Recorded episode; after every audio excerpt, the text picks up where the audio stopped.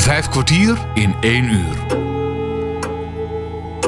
Goede gesprekken, interviews en reportages op Radio 509. Met gastheren Bas Barendrecht en André van Kwaabegen. Hallo, wees welkom. Hans Wensveen en zijn vrouw Marleen zijn aangesloten bij de Nederlandse Caravan Club. Een zestal leden van deze vereniging hebben afgelopen oktober een kampeerweekend georganiseerd. In dat weekend kreeg men eerst een rondleiding om, rond en in het kasteel Ter Horst in Loenen en vond daar s'avonds ook nog een concert plaats met harp en dwarsfluit.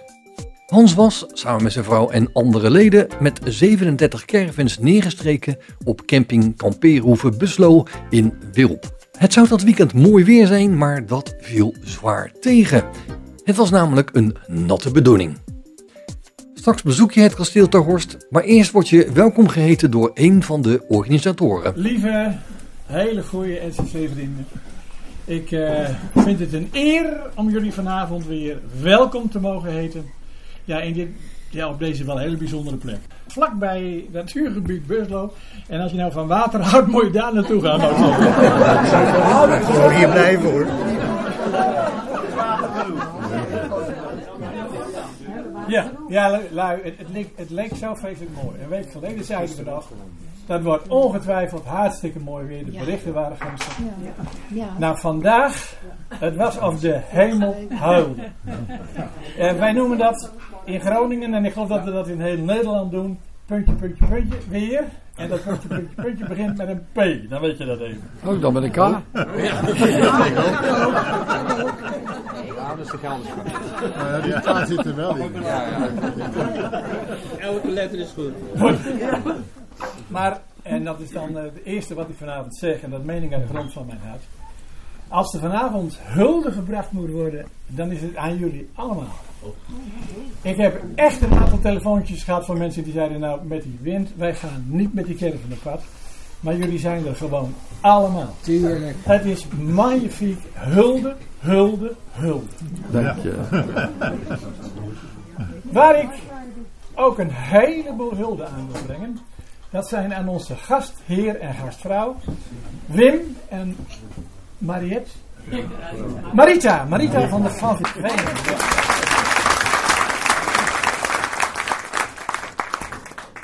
En ik weet zeker, oh, een uur geleden wist ik het nog hoor. Geef niks joh.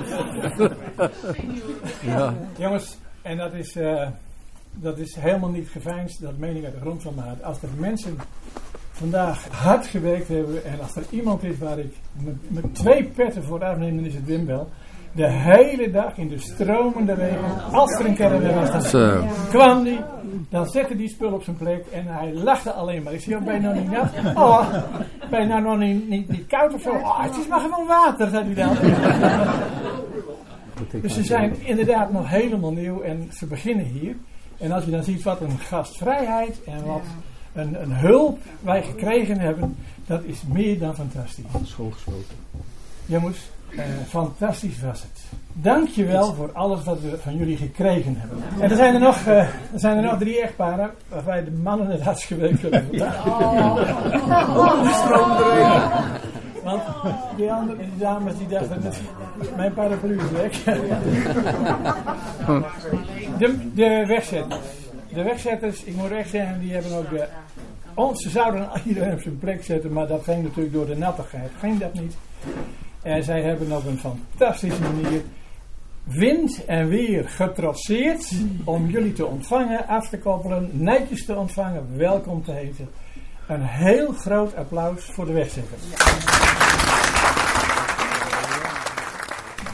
Mensen, ik wens jullie namens Maria, namens Betty, namens Roelof en uiteraard ook namens Hans en Wim een fantastisch mooi weekend.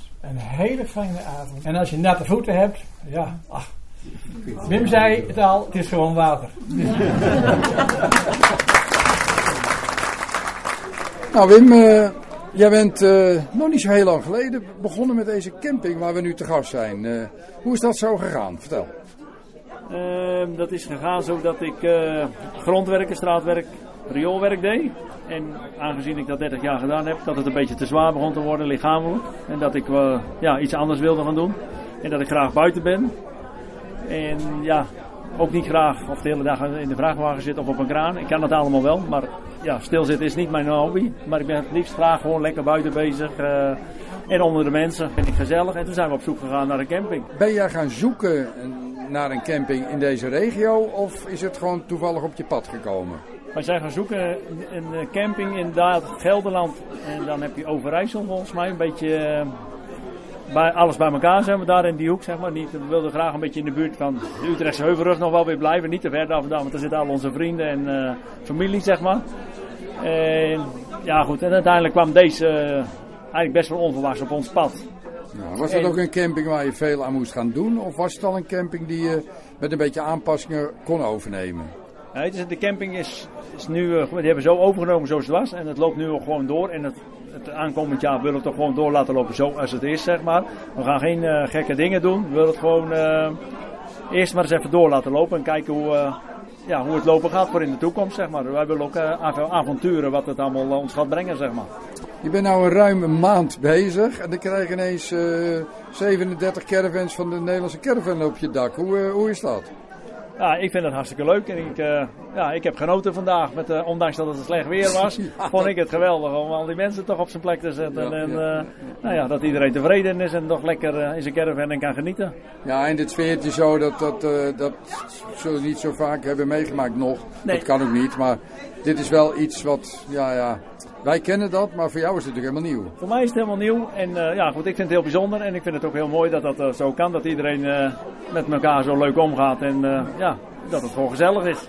En doet jouw vrouw ook actief mee in het hele campingverhaal? Ja, die doet de volledige administratie. En die zit eh, die- achter de computer. Alles wat met de computer moet, eh, dat doet zij, zeg maar. En ik ben eh, echt voor buiten, zeg maar, bezig. Ja, het praktische deel. Dan ben ik ook je dochter tegengekomen. Heeft hij ook een deel in het verhaal? Die doet ook, ja, die is aan stage lopen drie dagen in de week. En één dag in de twee weken moet ze naar school. Dus dat betekent dat ze ongeveer anderhalve dag per week dat ze nog vrij heeft, zeg maar. En dat ze het ook helemaal geweldig vond om te gaan helpen op de camping. En dat leek haar ook wel leuk. Dus, en volgens mij doet ze het ook met veel plezier, zover ik het nu weet. Het is een boerderijcamping geweest, of is het Is nog? het, ja. Maar, ja, is het. En eh, je hebt ook nog een beetje beesten lopen, geloof Ja, ik. we hebben ook nog de, er waren nog wat eh, beesten aanwezig en die hebben we ook mee overgenomen. Dat zijn vijf koeien, vijf schapen en nog een pony, twee kippen. En de kat is ook blijven lopen. Dus Ja. ja, zo is de pony en de geiten. Als, als hier nou mensen met kinderen komen, is dat ook nog leuk om die beesten een beetje te verzorgen? Of is dat nog niet helemaal? nou, een beetje om te voeren, maar dat moeten we denk ik nog even een beetje Nee, eh, weer aankleden. Zeg maar. Ja, dat moet zijn vorm nog krijgen. Ja. Misschien is het leuk om af te sluiten met, eh, met de naam van je camping en misschien een www-adres. Op Kampeerhoeve Buslo. En dat is www.kampeerhoevenbuslo.nl uit mijn hoofd gezegd. Dus iedereen is welkom eh, op deze prachtige locatie. Want jullie liggen in de driehoek, als ik het goed heb, eh, Deventer, eh, Apeldoorn en Zutphen. Juist, klopt helemaal. In de, ja, de driehoek, ja. Dat is een prachtig natuurgebied in de buurt van het waterrijke gebied, hoe heet dat? Ja, Buslo, de plas van Buslo. En de, de sauna, geloof ik. Sauna Thermen zit hier ook al vlakbij. Dat is eh, drie kilometer hier vandaan. Dus ook heel veel gasten die komen voor de thermen, die komen hier kamperen. Ontzettend bedankt voor je, voor je activiteit. Het was bijna aqua, eh, ja, hoe zeg je dat? Het was echt heel veel regen. Heel veel water in ieder geval. Ja, zeg En- dat maar. Maar je vond het helemaal niet erg, dat Nee, heb ik ik heb, gezien. er- Je zat met ik heb plezier. ervan genoten en eh, nou ja, ondanks de regen eh, was ik heel blij. Met plezier op te trekken. Ja, nou, absoluut. super dankjewel en heel veel succes met je camping. Ja. En eh, wie weet nog eens een keer tot ziens. Wie zal het zeggen? En Zou zomaar kunnen. Een gezellige avond. Ja, zeg maar. dankjewel. Is goed. Hoi. Radio 509. Radio 509. Henk Wijnels, in jouw welkomstpraatje vertelde je al dat je dit voor de zevende keer doet. Waarom doe je dat? Zeven keer zo'n evenement, hoe komt dat? Omdat wij A, van lichtklassieke muziek houden. En B, omdat je steeds dezelfde gezichten ziet. En dat is zo'n ontzettende leuke groep, Hans. Kan ik je niet vertellen. Wij genieten hier mateloos. Ja, ik voel het ook nu al. Ik bedoel, het is voor ons ook niet de eerste keer. Nee, weet ik. Maar het is heel veel werk. Ja, het is wel veel werk. Maar je hebt er ook zoveel voldoening van. Dat kan ik je niet vertellen. Nee, dat meen ik echt. Ja, ik het is, het. eh, het- als we dan, zoals vandaag, het was verschrikkelijk weer. Maar als je dan iedereen binnen ziet komen druipen. En als ze je zien, dan handen omhoog van hoi, We zijn er weer. Ja, ja. En nu weer gewoon hier in de zaal. Met elkaar. Het sfeertje is natuurlijk goed. Ja, precies. Is dit het enige evenement wat jij organiseert voor de Nederlandse Caravan Club? Of zijn er meer dingen die je doet? Nee, nu nog het enige. Nu nog- Eh, je hebt meer gedaan. Wij hebben heel veel gedaan. We hebben eh, tien jaar lang Beeld-Schutsloot beheerd. En eh, de camping in Beeld-Schutsloot. Als, als eh, contactpersoon, eh, beheerder van de camping. Ja, precies. Ja. Daar deden we er eh, vier per jaar ongeveer. Oké. Dus dat, dat, is, dat zijn er heel veel. Maar dat maakt niet uit. Wij willen er nog eentje bij gaan doen in de toekomst. En dat is een midwinterhoorn. Oh, dat is ja, maar ja, dat, ja, dat is ergens in december, hè? dat is Ja, altijd na ja, de eerste advent. En dan in Twente, daar heb je prachtige wandelingen waar je overal de midwinterhoorn Horens hoort, ja, ja, En ook dat, eh, workshops dat, waar, in boerderijen waar mensen dan bezig zijn om zo'n hoorn te maken en zo. Dat, eh, ja, dat, dat, dat, ja, dat vind ik zo'n uitdaging, dat willen we ook nog gaan doen. Hey, en even terug naar dit weekend. Eh, je hebt een, eh, een- een commissie, commissieleden waar je dit samen mee doet. Hè? Mensen waar het samen mee organiseert. Ja. En die hebben dan weer contacten met de, laten we zeggen, de muziekwereld. Ja. En die hebben nu weer een, eh, het is een duo geloof ik hè? Ja. ja. Hoe, hoe kom je daaraan? Of hoe komen zij daaraan? Is dat een netwerk? Is dat mensen die ze kennen? Hoe gaat dat? Het is, eigenlijk moet je het zo zien, wij hebben een commissie van zes personen. En Ans en Wim en Maya en ik, wij zijn echt voor de organisatie, voor de centen en voor de locatie. En Roelof en Betty, Roelof is eh, dirigent en die heeft een enorm netwerk. Ah, kijk. En elk jaar weer sta ik verbaasd met de artiesten komt, ja. waar hij mee komt. Ik vind Ja, het altijd grandioos. Dus wij zijn ook heel zuinig op Roelof. Want het, het slagen of het welslagen van zo'n weekend Ja, heeft toch van alles te maken met die muziek hoor. Ja. Het, is toch, het is toch een beetje de, de, de apotheose, de, de, eh, ja, de, de kers op de taart van dit, ja, dit samen zijn eigenlijk. Daar kom je ook voor. Ja, natuurlijk. Ja, dat is het hoogtepunt. Dat is het En- hoogtepunt, En, het leuke is ook dat iedereen dan een beetje in avondkleding, nou ja, re- redelijk eh, Ja, ja, in avondkleding gaat. Sfeervol, En dat, is, dat is dan heel bijzonder. Ja. Nou, we, We gaan hebben- er zeker van genieten. En maar, ja, er is morgen ook nog een programma, Henk. Want eh, jullie hebben, behalve de muziek s'avonds, is er ook smiddags nog een eh, ja, zijn- eh, rondleiding ergens of zo? Er zijn een aantal vrijwilligers in Loenen die helemaal verknocht zijn aan eh, dat kasteel ter Horst. En die hebben zich daar helemaal niet verdiept. En die organiseren rondleidingen. Dus eh, om het kasteel heen, eh, de eigenaar, die woont zelf ook op het kasteel. Die, eh, dat, die, dat heeft een houthandel. Hij heeft een enorm groot bos en dat wordt gehakt en dat hout dat hand, Maar dat gaat hij dan laten zien. Maar ook in het kasteel. Het zijn nog echt middeleeuwse resten. En daar kunnen die jongens, die vrijwilligers, daar zo mooi over vertellen. Nou ja, dat, dat is ook altijd een hoogtepunt. Ja, Dat dus het is we- eigenlijk drie componenten. De gezelligheid zoals vanavond. Ja. De rondleiding van het kasteel, dan de muziek. En dan zondag nog een afsluiting. Ja. Geloof ik met, met nou ja, koffie, en iets koffie en gebak en de hele reutemeteut. En En dan pak de je on- er een weer op en dan gaan ze weer naar huis. Ja, en de ontmoeting is natuurlijk eigenlijk ook wel het ingrediënt hè, van dit weekend. Dat mensen elkaar weer ontmoeten, elkaar weer zien na zoveel jaren. Ja, zeker. Ja, ik merk het zelf ook. Het is Ah, superleuk. mooi joh. En weet je, dat, eh, eh, dat rondleiden in dat kasteel, Hans, dat ik nog even, even erbij zeggen. Wij kiezen nu de laatste zes jaar met opzet steeds je, ieder jaar een ander kasteel. En dat is omdat je, als je er een keer geweest bent en je komt er met dezelfde groep Ja, nog een keer, ja, die rondleiding ja, heeft dan geen zin meer. Dan hebben die schilderijen die klokken wel een keer gezien. Ja, Precies. Ja, ja. Dus wij kiezen steeds een ander kasteel, zodat de mensen elk jaar weer wat nieuws hebben. Nou, dat, eh, ik ben ook zeer benieuwd. Nou ja. Ik ga ervan genieten. Goed zo. En sowieso van het hele weekend. Dankjewel Henk. Ook voor de organisatie. En eh, we komen elkaar vast nog wel tegen. Dat denk ik ook, Hans. Oké, Dankjewel. hoi. Hans Wensveen krijgt een rondleiding bij het kasteel Ter Horst in Loenen. De gids begint bij het oudste gedeelte van het kasteel. In 1555 heeft Wijnand Hakvoort hier dit kasteel neergezet. Eh, eigenlijk op de grondvesten van kelders die we straks gaan bezoeken. En die kelders zijn nog veel ouder. Die zijn vermoedelijk uit de 14e eeuw. En die zijn helemaal nog origineel bewaard gebleven. Dit kasteel bestaat dus uit een aantal woonlagen, dat kunt u ook zien. En de bouw waarin dit is gedaan, is eigenlijk in Gelderse renaissance stijl. Als u een paar oude kerken zeg maar uit uit de 16e eeuw bekijkt of later, dan vindt u daar diverse dingen in dit huis ook in terug. Eh, bijvoorbeeld de klokgevels zeg maar die u bovenaan ziet. En eh, u ziet daar ook een hijsinstallatie.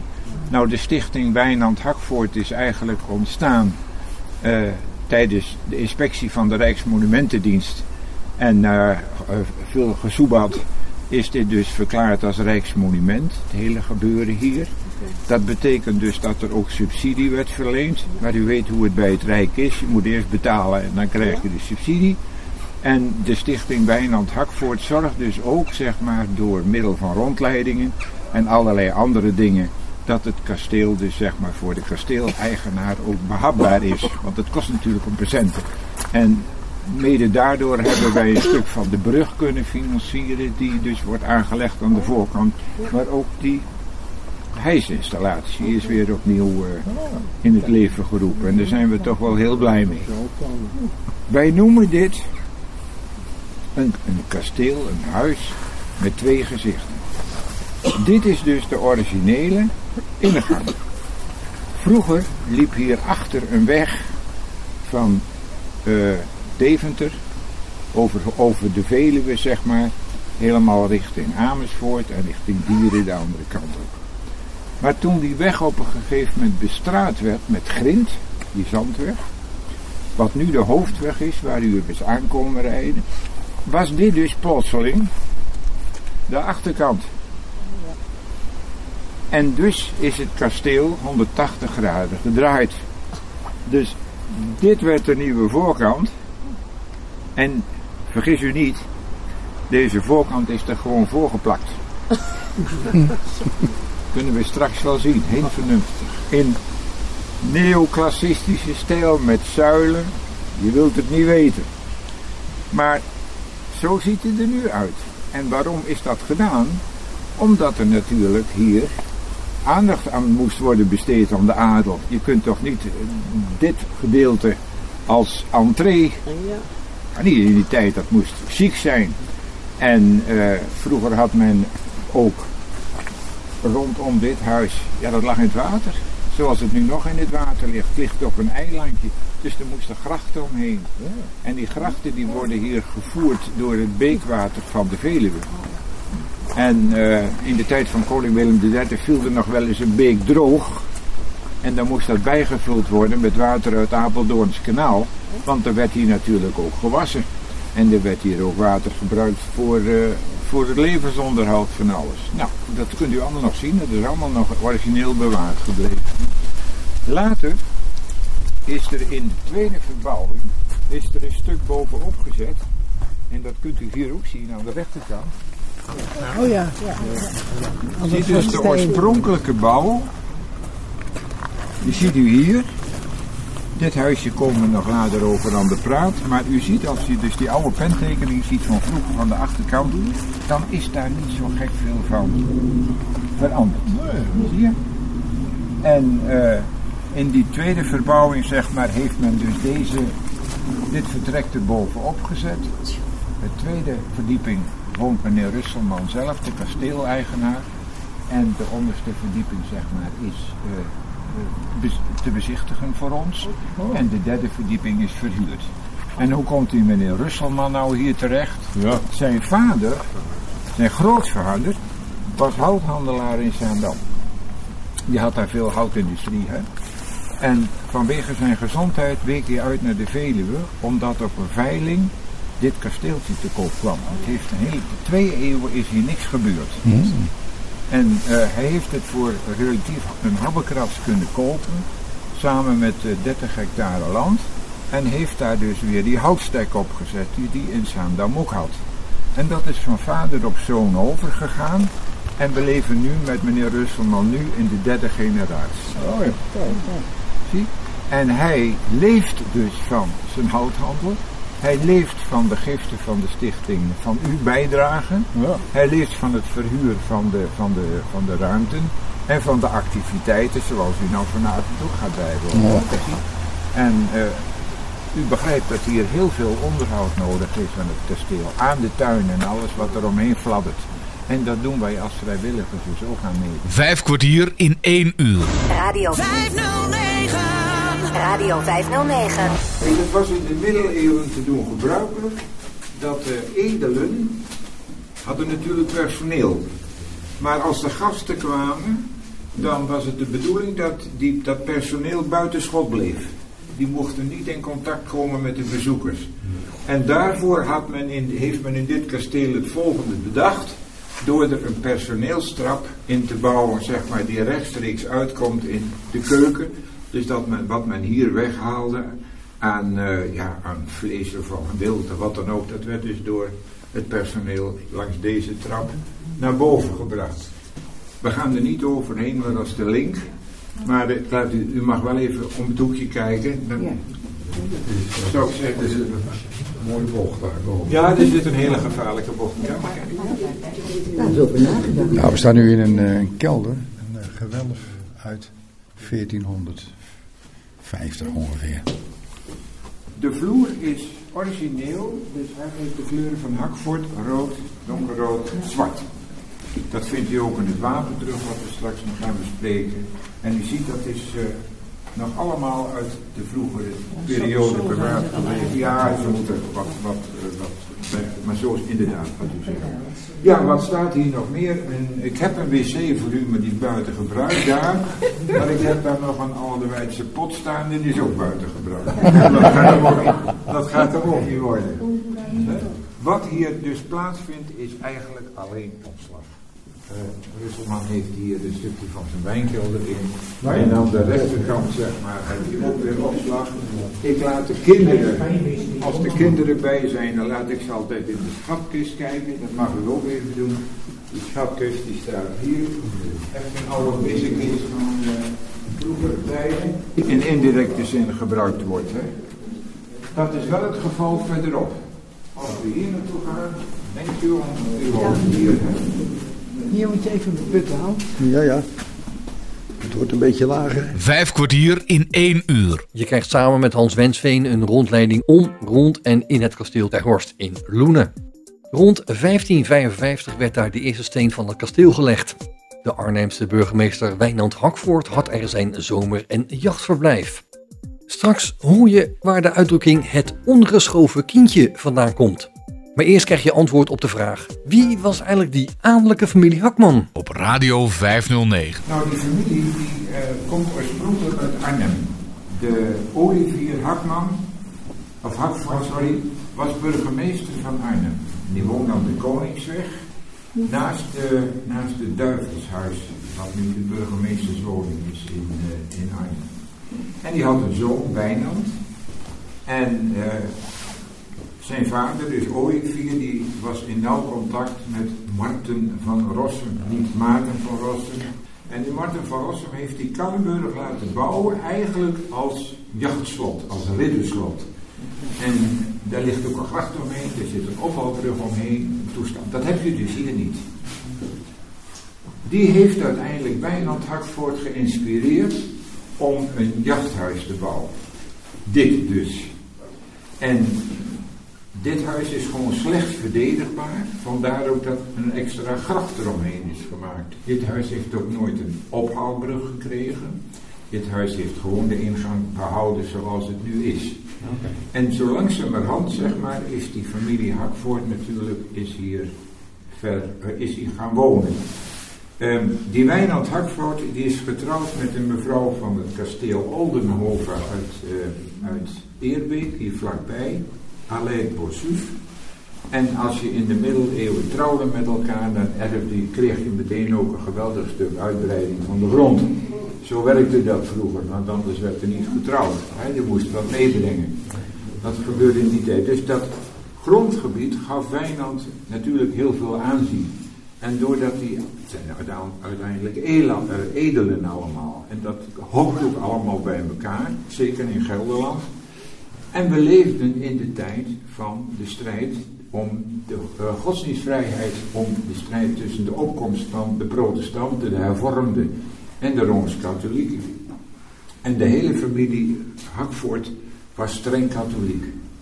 En, van, en men heeft van alles geprobeerd om dat in stand te houden. Om de mis op, zeg maar, op te kunnen, op te kunnen dienen. En dat werd door de hervormden verboden. De katholieken mochten de mis niet meer opdragen, ze mochten niet meer dopen en ze mochten ook geen huwelijk meer inzegenen. Het werd eigenlijk hier in deze contraien oogluikend toegestaan. En dat betekende dus ook dat door dat katholicisme in stand te houden hier. De priesters ook zeg maar van kasteel naar kasteel naar kasteel verhuisden. En ik noem er altijd bij, als je de, als je de, televisieuitzending van kapitein, hoe heet het, hebt gezien, dan had hij zo'n ding op de rug en dat was dan zo'n mobiel altaar. Nou, zo was dat vroeger ook, dat is hier dus ook gebeurd. Kijk, die priesters, dat zult je straks hier ook zien. Want het is een van de geheimen van het kasteel, komen we straks op. Dat de, waar hij dus zeg maar de mis opdroeg, werd hij dus ook onderhouden.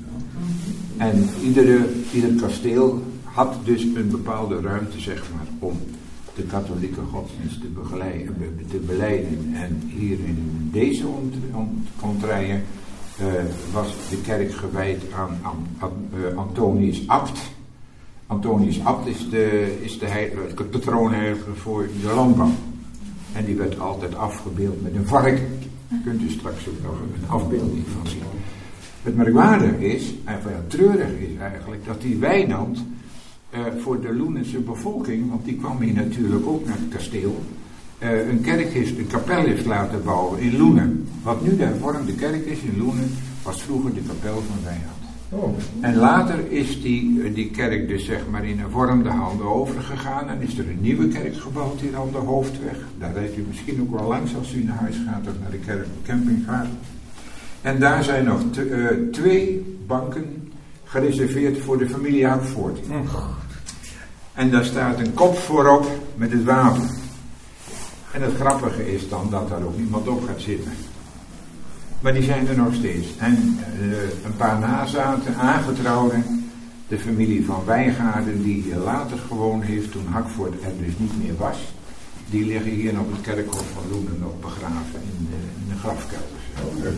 En verder voor de rest, waar die Hakvoort, de laatste Hakvoort, Olivier Wijnand Gerhardus Hakvoort, die uiteindelijk de laatste verbouwing heeft laten uitvoeren in 1725.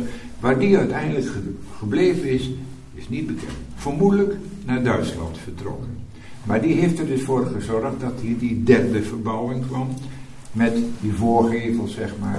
Hè, wat, we net, wat ik u net heb uitgelegd. En daardoor noemen wij deze rondleiding altijd Kasteel ter Horst is een kasteel met twee gezichten. Zo, komt u daar, zo kom je daarop. Hè? En dat woord ter Horst, dat is eigenlijk een, een toevoeging aan het woord kasteel, omdat dit kasteel 15 meter boven Nieuw-Amsterdam Spijl ligt. En als u een horst heeft als plaats, in Limburg heb je een plaats als horst en Eijoost en zo, dat zijn allemaal verhogingen in het landschap. En als je hier dus voor op, de op de bordes staat en je kijkt in de verte, dan zie je inderdaad dus dat er niveauverschil in zit. Nou, dat over de familie Hartford. We gaan straks nog een paar dingen zien die typerend waren voor de familie. Dit is helder, hè? een waskeuken zeg maar. Er staat nog een, een, een wringer uh, vanuit de oertijd. Maar dit is allemaal bewaard gebleven. En er zijn ook heel veel mensen die uh, oude dingen weggooien, die dan aan ons denken en die dat dan komen brengen van die stoven waar kolen in moeten en zo, dat soort spullen allemaal. Hè. Dus dat wordt hier dan allemaal uitgesteld. En er was in de vorige groep een mevrouw die wou graag poetsen. Want die kwam uit Spakenburg. Nou, dat zijn poetsjes, net zoals die Urkers, die maken ook alles schoon. Ik zei, mevrouw, spijt me, want dan gaat de originaliteit gaat verloren. Dat mag dus niet. U mag niet met een leger komen poetsen, want ze vond wat stoffig. Ja, dat kan gebeuren. nou, aan de andere kant komen dan terecht in de, de keuken, waarin dus eigenlijk het eten werd klaargemaakt voor verzending naar boven. Wat u hier ziet is eigenlijk heel genereus. Uh, allereerst het fornuis.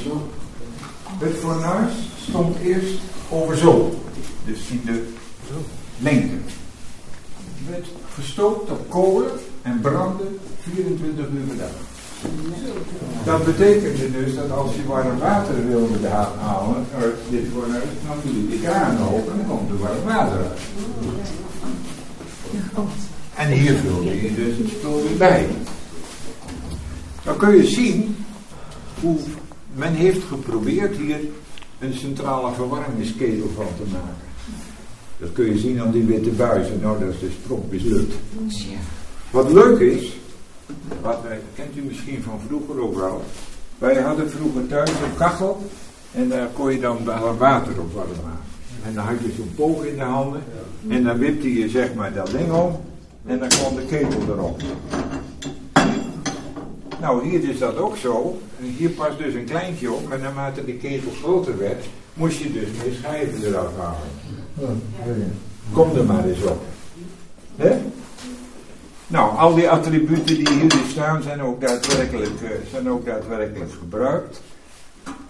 En dan moet het spul ook naar boven, want dat moet uitgeserveerd worden. Daar hebben ze het volgende op gevonden. Daar is een transportliftje gemaakt. Ja. En dat transportliftje, dat kunnen we bovenop takelen. Ik ga het niet doen hoor, want ik ben altijd bang dat dat ding dan niet meer terugkomt. Maar als het eten dus klaar was, dan werd dat dus in deze spreekbuis gemeld.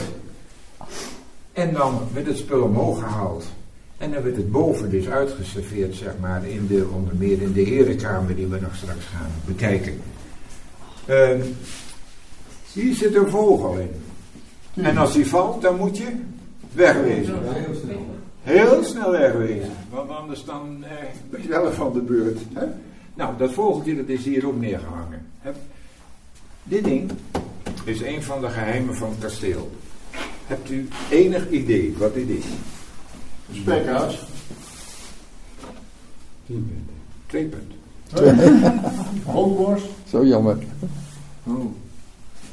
Zo'n kluis. Oh, een Fries en een koelkastje in Rijzen, of niet? Ja. Kijk, ik zal u uh, uit de droom helpen. Als ik dit ding optil en ik leg hier een bos stro in met ijs eromheen, wat ik uit de gracht haal, dan heb ik voor anderhalf jaar koel, koeling. En dat leg ik hier netjes in. Dan doe ik het deurtje open. En dan heb ik hier een fantastische koelkast. Kom er maar eens op. Origineel. 18e eeuw. Dat kan toch niet? Leuk hè? Ja, dat kan toch niet. Ze waren, ze waren heel vernuftig in die tijd. Smolt dat niet in anderhalf? Anderhalf jaar maximaal. Vandaar dat we straks buiten gaan, naar buiten gaan en nog drie ijskelders tegenkomen. Ja. Die heb je ook nodig natuurlijk. Als je op Paleis het Loop bent wel eens bent geweest, dan heb je er ook een. Die is acht meter diep, zeg maar. Hè? Dus uh, daar bewaarde Wilhelmina bewaarde haar ook al haar spullen in. Dus deze ook. Kleine formaat, maar is nog steeds operationeel. Leuk hè? Ja, ja, dat is echt leuk, ja. Nou, dat is een van de geheimen van het kasteel. We komen straks langs nog een geheim. De andere groep die was daar stom verbaasd over. Dus ik moet voorzichtig zijn dat ik niet te veel verklap. Maar uh, we gaan nu eerst naar boven toe.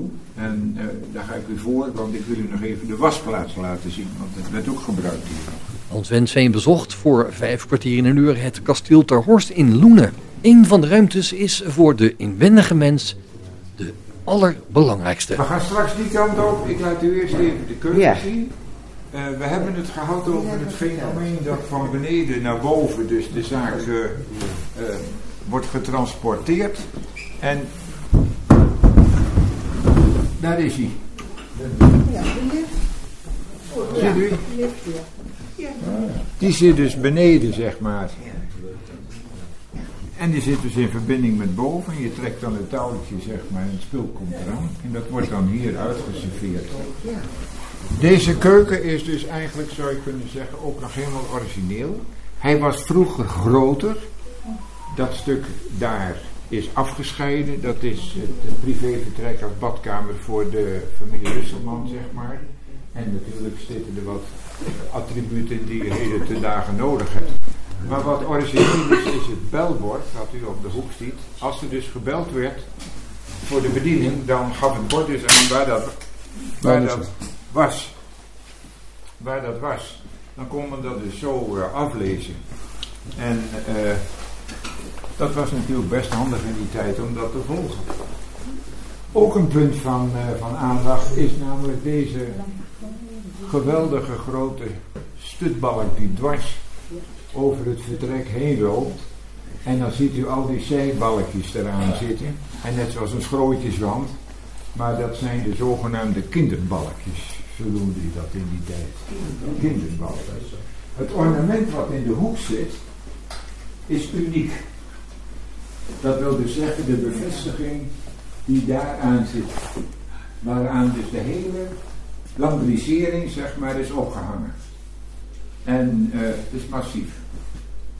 Kun je je voorstellen in die tijd, dat moet dan eerst naar boven gehesen worden.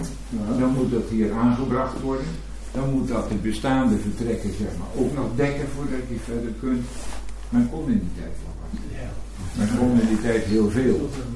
Nou, waar u voor staat, meneer, daar, ja, daar zit een deur. dat blijft ook dicht, want daar komt die personeeltrap van de dames naar boven. He? Want de dames sliepen hier in het kasteel boven, helemaal op de zolder. En de heren sliepen in een van de bijgebouwen. Oh ja. En dus dat beet elkaar niet. En als de dames boven, op wat voor manier dan ook, een kindje kregen, dan werd dat kind vaak in een wiegje onder hun bed neergelegd. En zo kom je aan de uitdrukking het ondergeschoven kindje. Wat dateert is uit die tijd. Zie? Deze kamer is dus, wat ik al zei, de herenkamer. En wordt dus bij festiviteiten zoals u vanavond heeft, gecombineerd met de kamer die hierachter zit. Wat kan ik u vertellen over deze kamer? Deze kamer is, zoals ieder kasteel eigenlijk heeft, een herenkamer. Of bij de ridders is dat al een ridderzaal. Hier werden dus zeg maar in vroegere tijden festiviteiten georganiseerd. Uh, in, wat voor, in wat voor vorm dan ook. Deze kamer is origineel in zoverre dat het behang 100 jaar oud is. En dat ook de gordijnen 100 jaar oud zijn. Maar het pronkstuk van de kamer, dat zit hier aan de muur. Dat is de schouw uit 1555. En die schouw die is gemaakt door een Duitse ontwerper uit Kalkar. De steen waaruit deze, deze schouw is opgebouwd is Bentheimer zandsteen. Als je in Twente woont en je kijkt naar de kerkgebouwen, dan zijn er heel veel die dus met, Twente, met Bentheimer zandsteen zijn gebouwd. Echter, zo de rijdende rechter zeggen. Er zijn een paar dingen die niet helemaal kloppen. Want in de Duitse voorstelling van een dergelijke schouw moeten de beelden hier vooral als rustpunt worden bevestigd. Dat is hier niet gelukt. Om wat voor reden kan ik u niet uitleggen. Wie zijn dit nou allemaal? Allereerst, meneer Hakfort, Wijnand Hakfort, in hoogst eigen persoon. En die, ja, dat is wel lastig, maar als u goed kijkt, dan heeft meneer Hakfort een roos op zijn, op zijn borst. Dat is meestal een teken van verzoening. En dan roept u mal aankomen als u u zegt dat mevrouw Aleid, wat zie je dan? Deze, zo'n beetje sneaky naar beneden kijkt en hier dus eigenlijk de, de hand wat op de schulk heeft, waarvan je dan zou kunnen denken, een van de twee heeft overspel gepleegd. En degene die daar het meeste voor een aanraking, aanmerking komt, u zegt het, u wijst er al naar, is natuurlijk mevrouw. Ja, of, ze is, of ze is bezwanger. Nou ja, dat kan ik er niet uit aflezen. Ik zal u vertellen hoe ik aan die wetenschap kom. Als u hier op een gegeven moment naar de schouw kijkt, dan ziet u hier in feite drie voorstellingen. En die drie voorstellingen zijn gescheiden door zogenaamde tympanen, Griekse afbeelding. Dit is er eentje, dit is de tweede, en zo krijg je dus drie voorstellingen. Allereerst het wapen van Hakfort zelf, wat u ook daarboven ziet afgebeeld, met de drie lelies, zeg maar, en de, en de hondjes eromheen. En hier aan de rechterkant staat dan het wapen van zijn vrouw. Deze middelste afbeelding loopt eigenlijk parallel of synchroon met wat we hier zien is eigenlijk een afbeelding van Jezus. En wat hier ook afgebeeld wordt, de zagen of het verhaal van de overspelige vrouw. In de Romeinse en Joodse tijd was het zo dat als een vrouw overspel speelde eh, en daarop betrapt werd, dan werd ze gestenigd. Volgens de Joodse wet. De Romeinse wet was dat niet het geval. Er werd een kuil gegraven, dan mocht mevrouw in gaan staan en als het zijn werd gegeven door fariseeën of schriftgeleerden, dan begon het gooien. Net zolang tot mevrouw dood was. Ja. Wat was nou het geval? Uh, Jezus was op die plek ook aanwezig. En zoals het zo vaak ging in de Bijbel, werd hij uitgedaagd door de fariseeën en schriftgeleerden. Dus elke keer, wat vindt u ervan, rabbi? Wat vindt u ervan, meester? Heeft u een andere oplossing? Enzovoort. Net zolang tot Jezus daarvoor zou bezwijken. Dat was eigenlijk het doel van de oefening. Maar dat gebeurde niet. Op een gegeven ogenblik uh, kwam er dus te sprake dat ze aan Jezus vroegen: Wat zou u nou doen? En toen zei Jezus: Wie zonder zonde is, werpen de eerste steen. U bent vast ouderling geweest. Oh, ja. Wie zonder zonde is, werpen de eerste steen. En wat gebeurde er?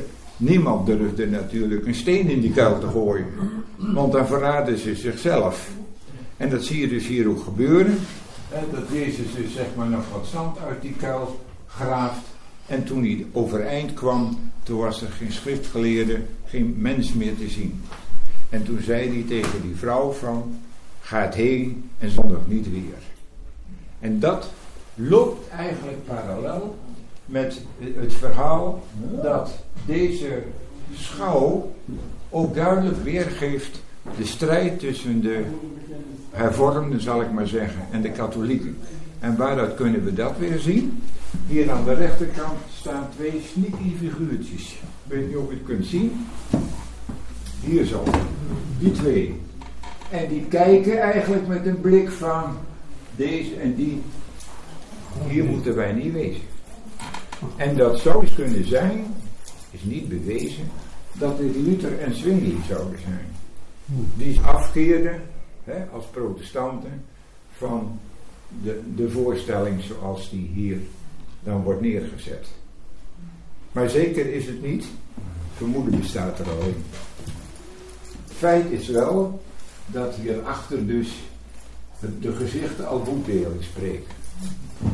Er staan hier nog twee dingen die ik u hier wil laten zien. Dat is allereerst dat schilderij.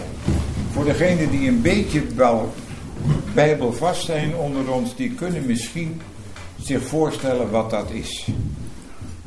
Hebt u enig idee? de op, opdracht van de tempel? Nee. Ja, bijna. Het is niet Elia, het is Eli. En Eli was de hoge priester, die was blind. En dat kunt u ook zien, want hij kijkt omhoog naar de hemel, terwijl hij dus niks kan zien. En hij zegent de kleine Samuel. En Samuel was de dochter van Hanna. Ziet u? Dat, is, dat wordt hier afgebeeld. En hoe oud is dat schilderij? Dat schilderij is 400 jaar oud. Zo. Ja. Kijken we naar de andere kant, hier boven mij, dan ziet u hier een portret van wie? En dit is dus geschonken door Wilhelmina aan haar grootmeesteres die hier woonde. En ze kwam regelmatig ook met Juliana hier op bezoek. Mensen van Loenen kunnen daar ook nog wel smakelijk over vertellen, de oudere mensen. Oh, ja. kwam ze hier, dus hier. Ja, kwam ze van het Loo, zeg maar, met de koets. Hier naartoe. Nou, dat is te doen. Hè? Vijf kwartier in één uur. We komen nu in de volgende ruimte. We zijn hier in het vertrek in eerste instantie van meneer Pastoor. Ik zal u binnen het verloop uitleggen wat er nog meer staat. Maar meneer Pastoor moest natuurlijk, als hij van kasteel naar kasteel trok, een pleisterplaats hebben. Een momentje voor hemzelf. Nou, het opklapbed staat er nog. En hij heeft ook nog een biefstoel hier en een preekstoel. Dus hij kon zich hier prima vermaken. Maar het geheim zit er natuurlijk hier verderop, want hier staat een originele schuilkerk. En is dus daarom vanaf de buitenkant niet Niet te zien, oké. Toen dus al die reliquieën voor de Rooms-Katholieke Kerk verboden werden, wilde men toch als adel, met name de Gelderse adel, de katholieke godsdienst in stand houden. En men deed dat in de vorm, en Hakfort heeft dat gedaan, in de vorm van een schuilkerk. Die dus in 1700 is gebouwd, deze. Oorspronkelijk was hij groter, hierachter deze muur was, hij was een keer zo groot, maar hierachter zit nu de tuinmanswoning. Deze kerk, deze kapel is gewijd aan de heilige Antonius Abt. En de heilige Antonius Abt is de beschermheilige voor de landbouwers. En daarom wordt hij ook altijd afgebeeld met de varken. Uh, deze, dit altaarstuk is een kopie. Is niet origineel. Als u in de Duitse, langs de Duitse grens nou, gaat kamperen, bijvoorbeeld in Groenlo of Winterswijk, die kant op. En u gaat bij Groenlo de grens over, dan komt u in het plaatsje Zwilbrok terecht. En daar heb je een kerk staan, direct over de grens aan de linkerkant, en die heeft exact hetzelfde altaar. Oh. Dit altaar is eigenlijk ook te klein voor, dit, voor deze kapel, want het kruis hangt half bovenin schuin. Ziet u? Nou, wat u hier nu ziet is schilderwerk, is geen marmer. Maar hij is zo gemaakt dat hij functioneel was voor de godsdiensten die dus hier plaatsvonden. Ook voor de mensen uit Loenen. Die kwamen hier ook naar de kerk. En vandaar ook dat uh, de familie Hakvoording daarvoor in vroegere jaren Loenen ook een kapel geschonken heeft. Niet deze, maar een eerste kapel. Dat is nu de Nederlandse vorm de kerk in Loenen geworden. En later werd er een katholieke kerk gebouwd, hier vlakbij. En daar was het beding, wij willen op een gegeven moment dat, wel geld geven voor die kerk. Maar dan willen we ook dat het eerste voorste twee banken dus voor ons gereserveerd blijven. En dat is tot op de dag van vandaag nog zo. Ziet u? Nou, wat kan ik u daar nog meer van vertellen? Dat hier twee beelden staan van Maria en Jozef.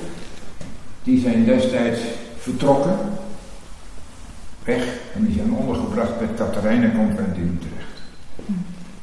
Maar de stichting is, is erin geslaagd om die beelden weer terug te halen. Dus vandaar dat ze hier weer staan. En het Katharijnenconvent heeft die beelden teruggegeven omdat ze toch niet zoveel waard waren dan dat ze daar. Oh. Ja, Tja. Nou, de kerk is dus zeg maar ook een toevluchtsoord geweest, niet voor de zwijnen, maar een toevluchtsoord geweest voor vluchtelingen uit Arnhem.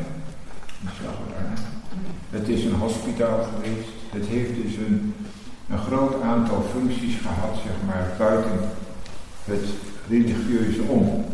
Maar het heeft een religieuze waarde altijd behouden. En op aanvraag kunt u hier nog steeds de mis bijwonen. Onder het motto, als je maar betaalt.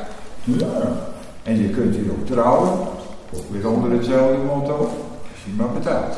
Dan komt er wel een priester opdragen. Hè? En daarvoor mogen wij ook de tabernakel niet ronddraaien, want daar zitten natuurlijk de drievuldigheid achter. Het is verboden. Nou, verder is er dus uh, op het uh, helaas verwaarloosde traporgel alles nog steeds aanwezig. En uh, ja, het past bij dit kasteel. Het is ook een van de weinige schuilkerken in Oost-Nederland. Zoals gezegd, in Amsterdam is er nog een schuilkerk. Ik dacht in Utrecht ook nog.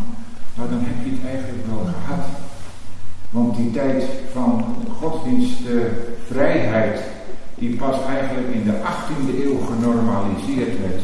Toen er dus eenheid van geloofsbeleiding kwam. Vroeger was het altijd gesteggel, of je bent katholiek, of je bent protestant, of je bent niks. Maar het was voor de, voor de onderliggende partij, was het een, een echte drama. Ik bedoel, Philips II heeft van alles gedaan om de katholieke kerk in de zaal te houden de priesters nog, moesten nog gelofte afleggen. Kortom, er werd van alles geprobeerd om de mensen onder druk te zetten om toch hun, hun werk te kunnen blijven doen. Dat is mislukt, dat is niet goed gekomen. En vandaar dat de hervormden, zeg maar, nog steeds hervormingsdag vieren. Dan gedenken ze dus eigenlijk het, het, het vrijmaking van het katholicisme en het, het in stand houden van de protestantse kerk door Luther en Zwingli. De kerkhervormers en Calvijn niet te vergeten. dat, dat wordt op die dag wordt dat dus uh, ja, in, in, in diverse kerken nog gevierd. Met name onder de wat zwaardere uh, orthodoxe protestanten. Radio 509. Een bouwhuis, zeg maar, identiek aan het bouwen is aan de overkant waar we net geweest zijn. En u ziet hier iets bijzonders. Vertel. De ramen. Ja, nee, niet, zijn, niet ramen zijn. Nep, hè? Nep, neppe ramen. Nou, weet u waarom dat is? In vroegere tijd moest je voor glas betalen. Glasbelasting. En om dat te omzeilen, heeft men dit geconstrueerd. Waarbij ook nog uh, het verhaal zit dat van de weg af moest dit natuurlijk ziek lijken. Dat moest hetzelfde lijken als de andere. En vandaar dat je dus ook aan het andere bouwhuis dezelfde indeling ziet. Met uitzondering van het feit dat waar die lantaarn brandt, op die lantaarn zit, daar was de ruimte voor de koetsier. Die sliep, in, die. En verder is het uh, bouwhuis dus uh, ja, eigenlijk uh, onbeschadigd of gebleven. Ik ga u van binnen nog twee stallen laten zien. Vijf kwartier in één uur. Nou, was dat vroeger voor de tweede klas paarden, dus de trekpaarden. Oh.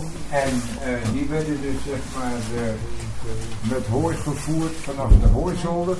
Dat viel dan hier naar beneden, dat werd dus zeg maar hier ingekieperd. En we zullen straks zien in de andere stal dat dat uh, veel uh, richtiger gebeurde. Want daar stonden echt de eerste klaspaarden die voor de koetsen werden gespannen. Nou, dit is dus allemaal nog origineel, daar is niks aan gebeurd. En uh, wordt ook nog gebruikt. Je ziet het, er met hooiopslag. Ja. En het ziet er nog vrij netjes uit. Ja, zeker. En ook in de kleur, mooie gele kleur.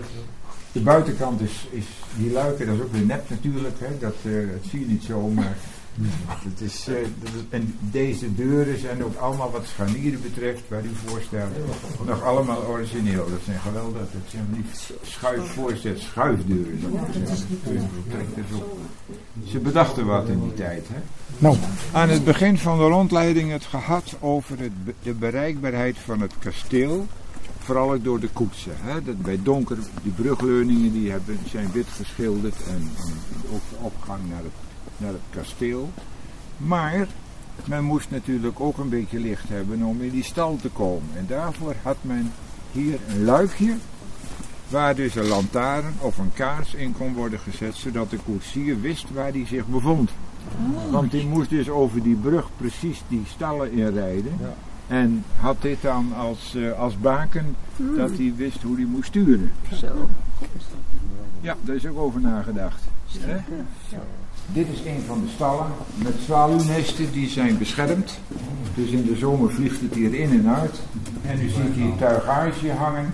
Dat is allemaal tweedehands spul wat gebracht wordt door paardenliefhebbers die er niks meer mee doen. Dus dat is eigenlijk uh, een opslagplaats. Uh, niet van belang. Ja, hier is ook nog een hele mooie, uh, mooie kast met paardentuig. Wat wel heel gaaf is en nog heel kostbaar is. Maar het heeft men beveiligd extra beveiligd. Dat is niet zo wonder in deze tijd. Hè? Ik wou eigenlijk vragen of u, dat doe ik op, zijn, op, zijn, op het dialect, vind ik altijd leuk.